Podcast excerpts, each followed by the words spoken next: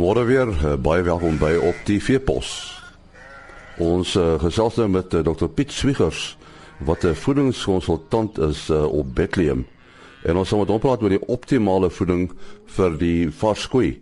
Nou, miskien net om uh, meer weg te val Piet, uh, wat presies is 'n varskoei?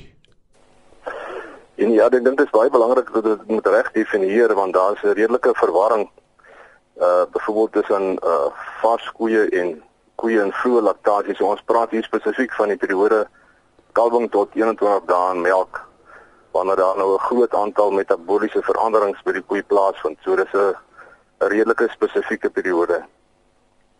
So so die voeding moet ook seker baie spesifiek wees. Ja, ons uh, dit is iets wat in die laaste tyd uh, groot aandag geniet het. Ehm um, gewoonlik is die vars koeie maar met die uh, hoë produksie koeie ingedeel, maar uh, nuwe werk het uh, al hoe meer daarop gedui dat ons hierdie koeie afsonderlik moet hanteer in 'n aparte groep. Ehm um, om spesifiek vir hulle behoeftes dan nou uh te voorsien uh, en en hulle ook afsonderlik te kan bestuur en te observeer.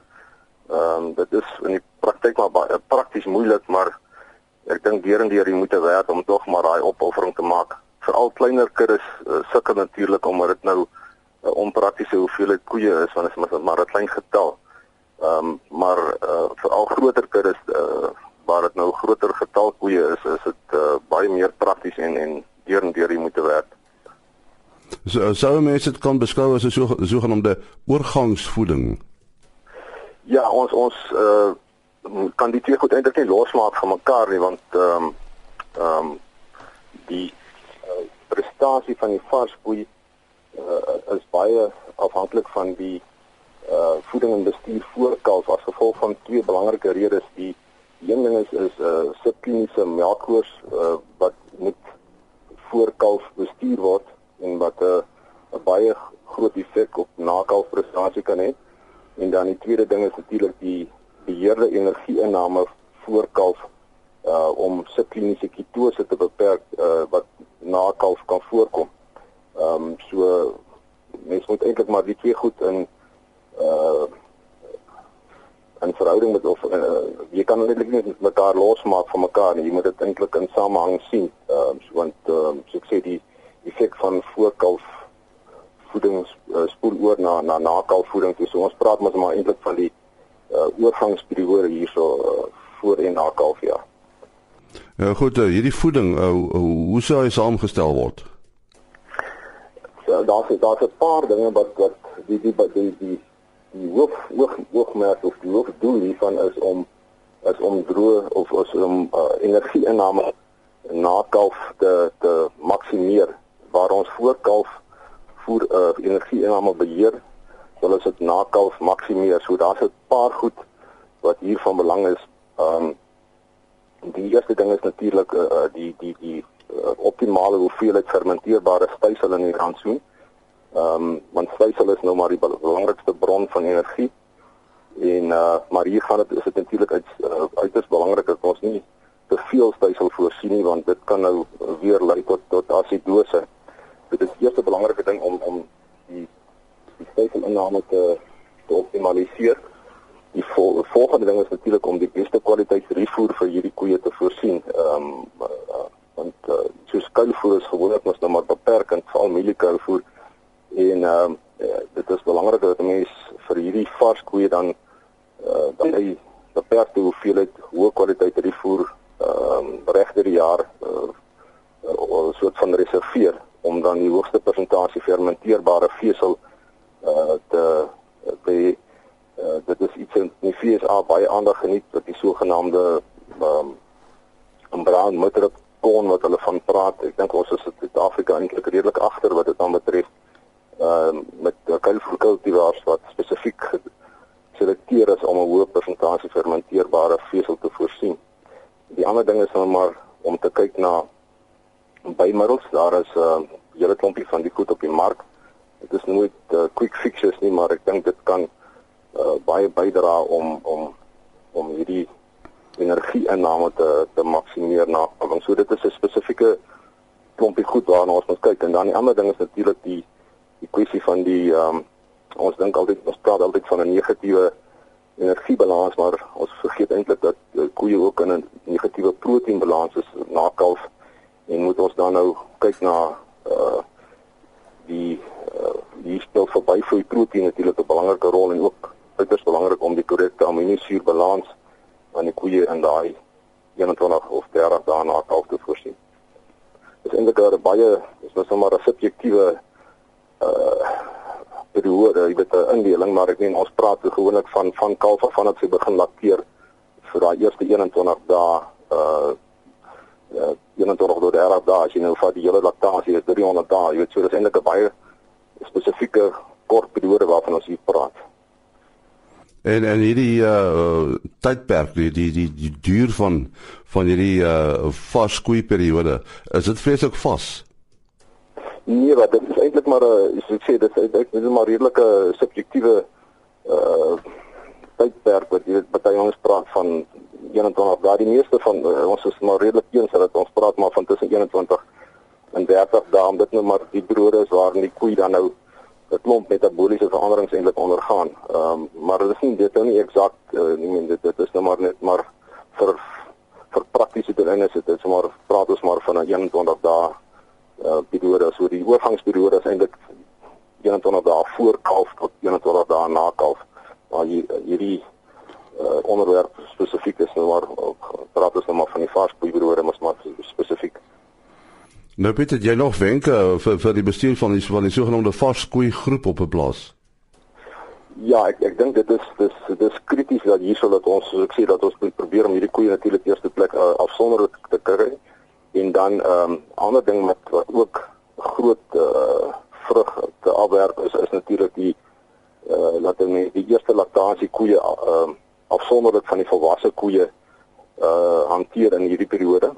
Nie net uh, voor kalf uh, na kalf maar ook voor kalf sodat jou uh, die eerste laktasie koeie apart is omdat hulle natuurlik nou kleiner is en uh hierdie periode is mos nou maar 'n periode waar daar 'n redelike groot kompetisie voorkom uh tussen die diere. En uh as jy dan jou eerste laktasie koeie afsonderlik het dan uh help jy hulle eintlik maar om want hulle sukkel maar om te kompeteer met die groot koeie. So dis die eerste praktiese ding en dan die ander ding is natuurlik om om uh voldoende kribspasie te hê. Uh normaalweg sal 'n mens so 600 mm kribspasie per koei toelaat, maar hierso wil ons eintlik in die orde van 750 mm hê uh om dan nou maar uh juis ook weer eens as gevolg van hierdie kompetisie effek selfs op by groter koeie. Ehm um, jy wil hulle eerste plek afsonderlik hê dat hulle nie hoef te kompeteer met hulle uh ander koeie wat wat nou al lank in die in die in die in melk is nie. En jy wil hulle ook dan nou uh ook voldoende kribsbasis gee dat hulle uh dat hulle uh, daardeur natuurlik ook hulle inname kan kan maksimeer want uh, as jy beperkte kribsbasis het dan beperk jy ook weer inname en dit is dit, dit wil ou nou mos nou nie hê nie. So hierdie hierdie uh, uh dinge waar jy van praat, dit geld natuurlik uh vleisbeeste en melkbeeste. Uh, ja, vleisbeeste is is uh is mos nou maar word mos nou maar ekstensief uh, aangehou so daar is uh, hierdie goed natuurlik nou nie so belangrik nie. Ehm um, jy ehm um, maar ja, as jy nou dink in terme van 'n van 'n beesvoerkraal, ehm um, dan dan geld die goed ook, maar ons kan praat hier maar spesifiek van melkkoeie wat natuurlik nou uh, uh, in die ehm um, buisings uh, uh, geakkommodeer word of dan nou in in, in oop kampe. Ons praat nou nie spesifiek van koeie op weiding nie, maar maar maar meer goed wat uh dan natuurlik nou in buising aangehou word waar waar waar hierdie goed van groot belang is. Jy het net gepraat van uh, rumen acidose. Uh die die die die manne laat mos nou hulle beeste wy op uh stoppellande en natuurlik daar's 'n groot gevaar, né? Nee? Ja, nee, daar natuurlik veral natuurlik as daar dan natuurlik nou nog baie uh milies op die op die land is. Um ja, eerste week of twee is natuurlik 'n redelike groot risikoperiode omdat dan nou baie meer graan nog uh, beskikbaar is. Maar daar's 'n interessante bymiddels wat 'n mens kan gebruik om uh, veral uh, melksuur uh, te te benut want melksuur is nou maar 'n groot probleem as as jy nou kyk na kliniese asidose. Ehm um, by by melkkoeie praat ons meer van subkliniese asidose omdat ons nie regtig melksuur is nie so, so groot uh, probleem uh, in in daai situasie. Maar jy kan natuurlik akute ehm uh, uh, asidose kry waar jy dan nou 'n geweldige groot lading van spysel en dat uh, die koei dan nou inneem, maar uh, so dit is goed dat ons met die tyd eintlik al redelik uitgesorteer het. Maar ja, op Stoplande kan dit 'n groot uh, ding uh, probleem is. Skape natuurlik ook uh, wat op Stoplande wy, is dit maar baie vers, is uh, versigtig wees dat jy die julle behoorlik aanpas want dit gaan oor die aanpassing van die roemen uh, by van van refoer af na na kragvoer toe uh, of na spysel toe wat 'n mens baie goed moet bestuur. Jy het ook 'n ander ding uh, gesê wat interessant is. Jy het gesê dat nuwe inligting bygekom. En ek dink mense dink dat uh, die hele voedingsregime, die die is nou so al vasgestel. Dis hoe dinge is. Maar maar daar word nuwe navorsing gedoen en nuwe metodes word ontwikkel, is ek reg?